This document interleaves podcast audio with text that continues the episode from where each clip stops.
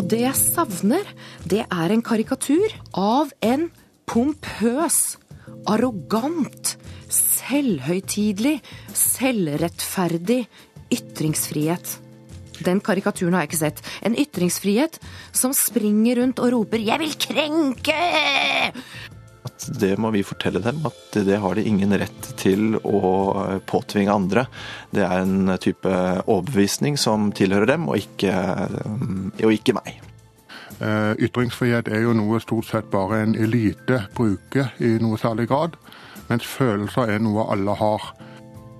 Hvor står den absolutte ytringsfriheten det er kort tid siden mange av oss sto skulder ved skulder, sjokkert over anslaget mot det franske satiremagasinet Charlie Abdo, og sa 'Jeg er Charlie'. Siden den gang har vi fått en debatt med fronter. Det er denne frontlinjen vi skal ut til, men først et lite tilbakeblikk. Her er NRK Dagsnytt klokka 13. Politiet i Paris stadfester at elleve personer er drepne i åtaket mot satiremagasinet Charlie Hebdo i Paris. Slik lød de første meldingene om terroraksjonen mot redaksjonslokalene i Paris.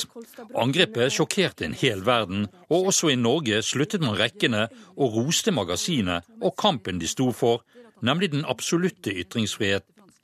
Siden den gang er det blitt en debatt. En debatt kulturredaktør Geir Ramnefjell i Dagbladet beskriver på denne måten. Debatten har jo utvikla seg, eh, eller den har blitt eh, Det er blitt litt tydeligere hvilke, hvilke fronter vi har, da. Eh, jeg husker jeg leste i jula en kommentar fra Lars Helle tidligere sjefredaktør i Dagbladet, nå i Stavanger Aftenblad, som, ingen, som, skrev at ingen tuller med Jesus lenger. Hvor han trakk fram dette med frykten for å krenke eller tulle med det, med det religiøse. Eh, og da viste han til en eh, undersøkelse, eh, eller den siste ytringsfrihetsundersøkelsen til, til Fritt Ord, hvor 60% av befolkningen svarer at de på spørsmål om de ytringer som håner religion bør være tillatt, så svarer 60% av befolkningen at de er helt eller delvis uenige. Så da Eh, da denne debatten dukket opp etter, eh, rett i etterkant da selvfølgelig av Charlie Hebdo-angrepet og mot koshermarkedet i Paris, så var det jo veldig få som, som hva skal man si, som brukte det argumentet i offentligheten tidlig. Men den første som gjorde det, var vel Erik Poppe, filmregissøren, som til noens og mins Eh, overraskelse og litt erg ergrelse fikk støtte av Jonas Gahr Støre. Men det vi har sett i etterkant, er at det er jo stadig flere som har hva skal man si, målbært det samme synet, nemlig at, eh, at vi eh, må legge bånd på våre ytringer når det gjelder religion, sånn at vi ikke risikerer å krenke andres religiøse følelser. Og Det er da, etter min mening og veldig mange andres mening, i strid med prinsippene for, for ytringsfriheten. Ja, Vi har fått eh, noen nye ord, eller ordsammensetninger, sånn som ytringsvett og ytringsansvar, som har dukket mm. opp i kjølvannet av, eh, av denne debatten. Ja, det er stadig nye forsøk på ordsammenstillinger for å forsøke å rettferdiggjøre det prinsippet på en eller annen måte. Eh, ytringsvettet nå, det, det, var så vidt jeg kan eh, se et eh, begrep som Katrine Aspås, som er spaltist i Aftenposten, har funnet opp. I en kommentar for et par helger siden hvor hun, eh, hvor hun, eh, sidestiller Hun tar til, tar til orde for ytringsvett, og sidestiller da f.eks. politisk redaktør eh, Frank Rossavik i Bergens Tidenes ytrings, ukrenkelig ytringsfrihet med islamistenes ukrenkelige profet, og sier at skyttergravene er inntatt og krigen er i gang. Altså, hun, hun forsøker, altså, hun er vel velmenende og forsøker å, å, å si at her må vi ta til ansvar, eller vi må bruke ansvar og ta til vettet. og og, men i praksis så syns jeg hun heller øker, øker konflikten i debatten.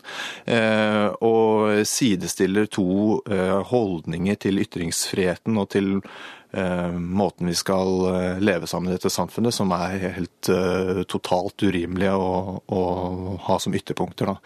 Uh, prinsippet om ytringsfrihet står jo ikke i veien for å ha omtanke for den muslimske befolkningen. Det handler bare om at man mener at i et eh, sekulært og liberalt samfunn, så må det være rom for å drive med maktkritikk. Og det eh, må også omfatte religioner, og det bør kanskje særlig omfatte religioner som eh, som har stått for en maktutøvelse og en krenkelse, som gjør det i stor stil i over hele verden den dag i dag, som må kritiseres sterkt. Nå har jo du beskrevet så å si, frontlinjene i den debatten per Eh, per i dag. Men hva er det du frykter aller mest skal komme ut av den? Jeg er jo redd for at vi um, gir slipp på prinsippet om at vi skal ha en og tåle å ha en skarp tone i samfunnsdebatten, fordi jeg mener at uh, det gjør verden til et uh, mindre spennende, mindre opplyst Eh, sted å leve. Eh, jeg vil ha et samfunn der hvor folk kan si fra hva de mener eh, på en klar, sterk, tydelig, humoristisk, skarp måte. Og ikke være redd for konsekvensene. Så det er viktig at, at si, de fleste av oss på en måte involverer seg i dette og tar på en måte et standpunkt til det. For dette er, er det en, en kamp i forhold til demokrati og det liberale samfunnet vi gjerne vil ha? Jeg, jeg, jeg, tenker det er det, fordi ehm, eh, det er viktig å skille mellom eh, fremmedfiendtlighet og maktkritikk. Eh, sånne folk som eh, Max Hermansen og Pegida de forstår ikke den, eh, den eh, distinksjonen. de sauser sammen religion og liberale prinsipper og humanisme i en i en for meg helt uforståelig miks. Um, Eh, det som jeg syns er viktig, det er å anerkjenne eh, folks eh, legitim, legitime kritikk av maktstrukturer og maktmisbruk. F.eks. i religionens navn og, og, holde fast ved det at det å drive den type kritikk eh, er ikke det samme som å være fremmedfiendtlig. Eh, da får vi en eh, debatt som er åpnere, og som er mulig for folk å delta i uten å være redd for å få stigmatiserende merkelapper på seg. Og dessuten så, så, så skiller det litt så, er, så, så, åpner det for å skille mellom, mellom krefter som som, Pegida, eh, og krefter som faktisk eh, er opptatt av et eh, liberalt, sekulært samfunn som er tuftet på rettsstatsprinsipper. Sa kulturredaktør Geir Ramnefjell i Dagbladet. Men vi har all grunn til å holde fast på vår fornuft og til i fullt alvor å ta opp kampen for en fri tanke. Også tidligere har det blåst sterkt opp til debatt om ytringsfriheten. Arnulf Øverland ble i 1933 tiltalt for blasfemi etter sitt foredrag 'Den tiende landeplage', men frikjent i retten.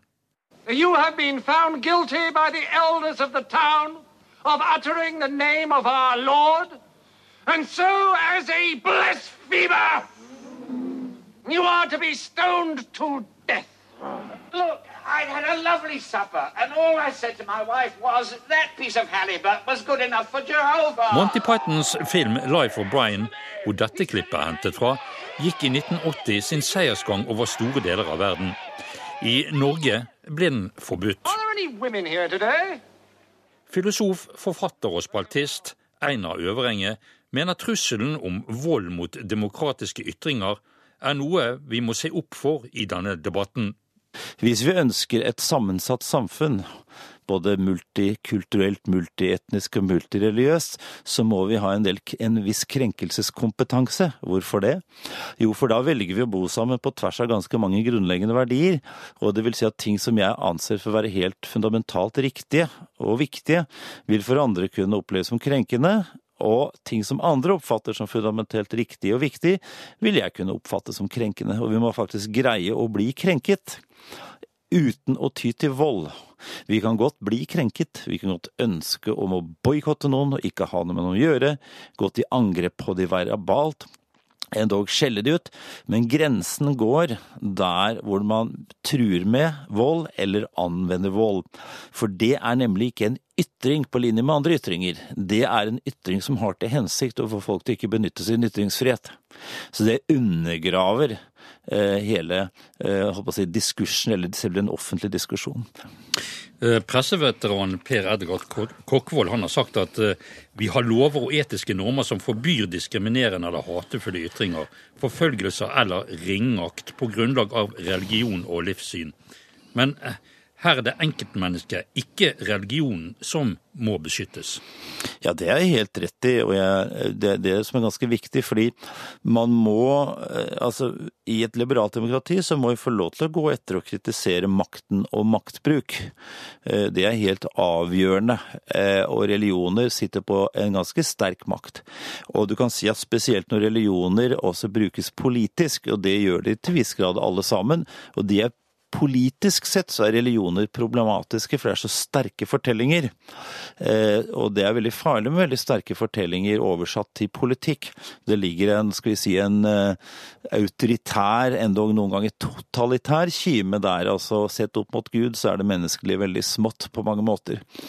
Eh, så der skal vi eh, passe oss veldig.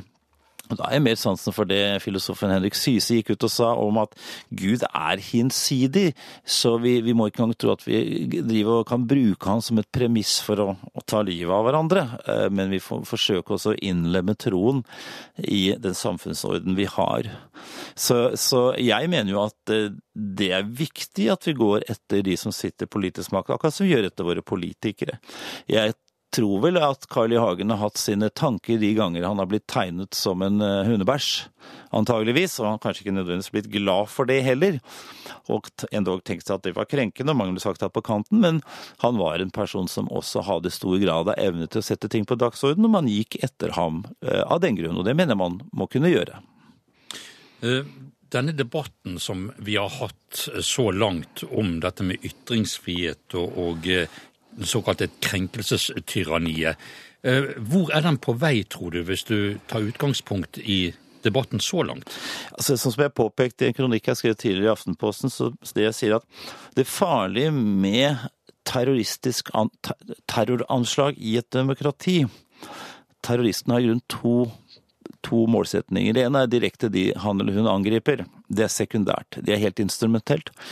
Det viktigste er for en terrorist å invitere et demokrati til å ødelegge seg selv innenfra og ut ved å vedta udemokratiske lover. Det er hovedanliggende for en terrorist. Og det vil si at, og jeg påpekte at Den farligste terroristen er ikke han som begynner å skyte på deg, men han som tar bolig inni deg. På den måten at du vegrer deg for å si din mening der hvor du burde ha sagt din mening, av frykt for represalier. Og det er klart at det har vært eh, en rekke uklare stemmer ute som har begynt å snakke om litt eh, uklare, ulne begreper, sånn som f.eks. da ytringsansvar. Hva betyr det? Akkurat som at det skulle være noe som innskrenket ytringsfriheten. Nei, det kan også bety det stikk motsatte, noe som presser ytringsfriheten til sitt ytterste konsekvens.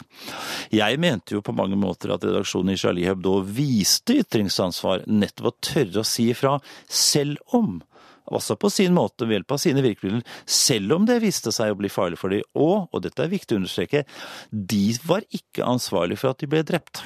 Det var noen andre som var ansvaret for den handlingen. Det de var ansvarlige for, var å tegne tegninger og ytre seg på sin bestemte måte.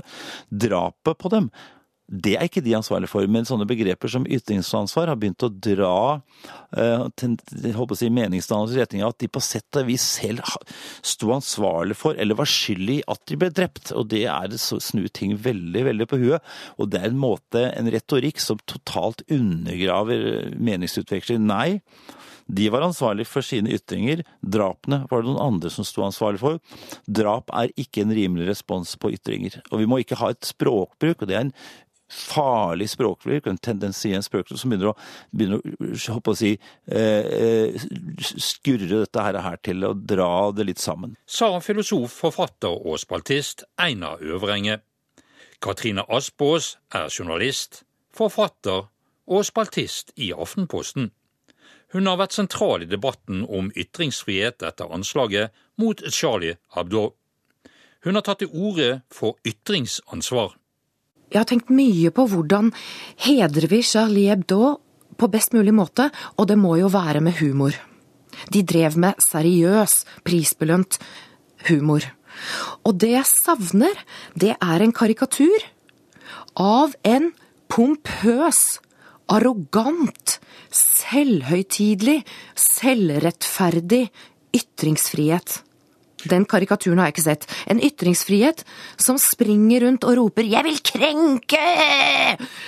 Altså, det, det er en karikatur som det fint går an å tenke seg. Og den må vi tåle, og vi må tåle denne samtalen om ytringsansvaret, som, som er et stort, åpent tema fullt av dilemmaer. Og, og dilemmaene er det mange av der mennesker eh, der mennesker vandrer rundt og er uenige. Har vi etter din mening hatt eh, eksponenter for dette krenkelsesdyret du nå beskriver i norsk debatt etterpå? Nei, altså det, det krenkelsesdyret som jeg beskriver, det er jo oss kollektivt. Det er eh, Vi er jo veldig flinke til å, til å karikere andres helligdom. Men jeg tenker vi kan bli mye flinkere til å karikere vår egen helligdom. Og ytringsfriheten er vår det er vårt aller helligste. Og det skal det være. Det er hellig. Ytringsfrihet og religionsfrihet er hellig i et demokrati. Men samtidig så må vi tåle å eh, snakke om dilemmaene som oppstår ved eh, rop om full frihet. For full frihet, det finnes ikke. Det finnes alltid et ansvar. Friheten går alltid hånd i hånd med ansvaret. Og det er den samtalen som jeg syns er blitt veldig god. Eh, hvis vi ser historisk når det gjelder ytringsfrihet eh, her, eh, her til lands. Tidlig på 30-tallet, i 32, så holdt Arnulf Øverland dette foredraget sitt som er blitt meget berømt, den tiende landeplage i studentersamfunnet. Om kristendommen. Mm. Ja, om kristendommen i, i, i Oslo. Mm. Og, men så sent som i 1980 mm. så ble Monty Pythons film 'Life of Brian' forbudt her mm. til lands. Um, er det den tiden man vil tilbake til? Nei, den tiden vil vi ikke tilbake til.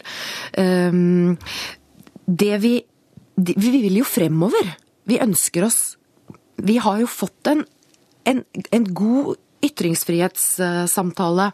Og vi vil jo fremover, og da må vi stille det spørsmålet hva ønsker vi med ytringsfriheten når vi nå har frihet til å snakke, frihet til å stille ubehagelige spørsmål, som hva vil vi med ytringsfriheten? Da kan vi begynne å få en skikkelig djerv og modig offentlig samtale. Det er jo det vi ønsker oss. Og en djerv og modig offentlig samtale, det får vi når mange våger å delta. Og mange våger å delta i den samtalen når vi kan lære å utstå og være uenig uten å dømme motparten, f.eks. Vi har det høyt under taket. Vi, eh, vi, vi, klarer å snakke sammen uten å kalle hverandre ting. Uten å uh, Ja, altså vi tåler eh, uenighet. Det er det vi må lære oss i vårt samfunn. Mener du at dette kan tendere opp mot mobbing i sitt fulle monn? Jeg tenker i hvert fall at det er et paradoks at vi går i tog mot mobbing om dagen og får full ytringsfrihet om kvelden. Det er et paradoks, fordi veien er ganske kort fra hva vi voksne mennesker, eh, hvordan vi snakker sammen, og hva vi sier om andre, hvordan vi fremstiller andre, og til skolegården. Og, og, din feite ku og hore og hva er det som er mest populært for tiden? Jo, homo eh, er jo eh, Og i ytringsfrihetens navn. Jeg tenker at de to samtalene, de hører sammen. Sa spaltist og forfatter Katrine Aspås. Frank Rossavik er politisk redaktør i Bergens Tidende. Han beskriver utviklingen i debatten som oppsto etter drapene i Charlie Hebdo, på denne måten. Det begynte jo med en spontan reaksjon eh, som gikk ut på at eh, nå måtte ytringsfriheten forsvares eh, nær sagt for enhver pris. Og så gled han tilbake igjen til disse ulikeartede posisjonene der noen sto fast på det som, som jeg nettopp nevnte, og som jeg for så vidt har stått på hele tiden. og til de folkene som da mener at ytringsfriheten er noe man eh, bare skal veie opp mot en rekke andre friheter. Hva skyldes dette, tror du, at det er blitt litt mer fragmentert enn det var i begynnelsen av januar? Det skyldes jo at ytringsfriheten er litt vanskelig å argumentere for på en enkel måte. Det er jo sånn at alle er for ytringsfrihet hvis, hvis man stiller dem det spørsmålet. Men med en gang man stiller uh, spørsmålet er du for ytringsfrihet, eller mener du at man må ta hensyn til menneskers følelser, så blir det straks noe annet. Uh, ytringsfrihet er jo noe stort sett bare en elite bruker i noe særlig grad, mens følelser er noe alle har. Uh, og Sånn sett så er det ikke så vanskelig å forstå at den typen innvendinger kommer. Men rent prinsipielt så står du for, for noe annet? Eh, jeg gjør helt klart det, fordi jeg ser at eh, ytringsfriheten er det som ligger til grunn for at vi i det hele tatt kan fungere sammen i et samfunn, ulike som vi er. Eh, den sikrer min rett til å kunne leve som åpen homofil i et samfunn hvor det er religiøse. Det sikrer min rett til å kunne være ateist i et samfunn hvor det finnes mange religiøse. Og det sikrer religiøses rett til å utøve eh, sin tro og gi uttrykk for sine meninger, bl.a. om meg. Eh, det er jo ofte oversett at eh, ytringsfriheten også ligger til grunn for, for religionsfriheten. Det er ikke for ingenting at religionsfriheten er sterkest i sekulære land, i liberale land, hvor også folk som meg har respekt for at religiøse mennesker må få drive med sitt.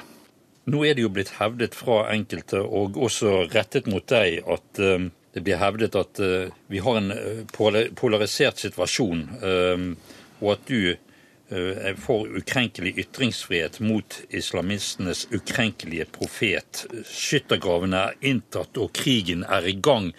Blir det hevdet fra en spaltist i, i Aftenposten. Hvordan reagerer du på en slik karakteristikk? Den, den, karakteristikken er såpass ytterliggående at jeg egentlig bare reagerer på den med skuldertrekk. Eh, det er, det er, veldig viktig å holde fast ved det som er det grunnleggende, nemlig at eh, ytringsfriheten er det som ligger til grunn både for eh, religionsfrihet og for politisk frihet, sånn som vi kjenner det. Og Hvis man begynner å relativisere ytringsfriheten utover, utover selvfølgelig det at man ikke skal forfølge enkeltmennesker eller oppfordre til voldelige handlinger, så undergraver vi det samfunnet som vi er glad i, og som vi eh, trenger for å kunne leve som frie mennesker sammen med folk som mener noe helt annet enn oss. Men hvor viktig er det at denne debatten blir holdt levende i eh, ja, f.eks. det vi representerer, mediene? Det, eh, det, som har skjedd nå i uh, ukene etter uh, Charlie Hebdo, viser jo uh, at det er svært viktig å holde den debatten levende. Og, og vi som er um, opptatt av ytringsfriheten, og som ser den enorme verdien som ligger i ytringsfriheten, vi er bare nødt til å ta det på oss og kjempe for den og argumentere for den, selv om det altså ofte er vanskelig, og selv om vi får en del motbør. Hvordan står frontene i dag? Altså Det jeg har merka eh, både i denne debatten og i, eh, i eh, debatten om karikaturstriden i 2006 og framover, det er at når jeg kommer med angrep på religion og forsvarer karikaturer av religion, så er det ikke religiøse som reagerer. De religiøse forstår at, uh, forstår at dette er en del av, uh, en del av uh, livet i et, i et verdslig samfunn, så langt jeg kan bedømme det. De som reagerer, det er, det er sekulære etnisk norske folk på venstresiden og andre steder som vil forsvare religiøse mot seg selv og mot, mot denne formen for kritikk. Eh, det, um, det er, det er nokså nok tydelig. Jeg har eh, kun opplevd én gang at en religiøs person eh, tok kontakt med meg og kritiserte meg for at jeg forsvarte karikaturen, og det var en politisk engasjert prest i Den norske kirke. Um, så um, egentlig så er ikke uh, religiøse mennesker uh, problemet, i hvert fall ikke i, i min verden. De, i, i, min verden er, er, de problematiske. Det er de som mener at religiøse ikke kan tåle krenkelser, at muslimer ikke kan tåle krenkelser. Og, og, og av alle ting sekulære mennesker som tror at Gud eller Allah krever noen form for spesialbeskyttelse.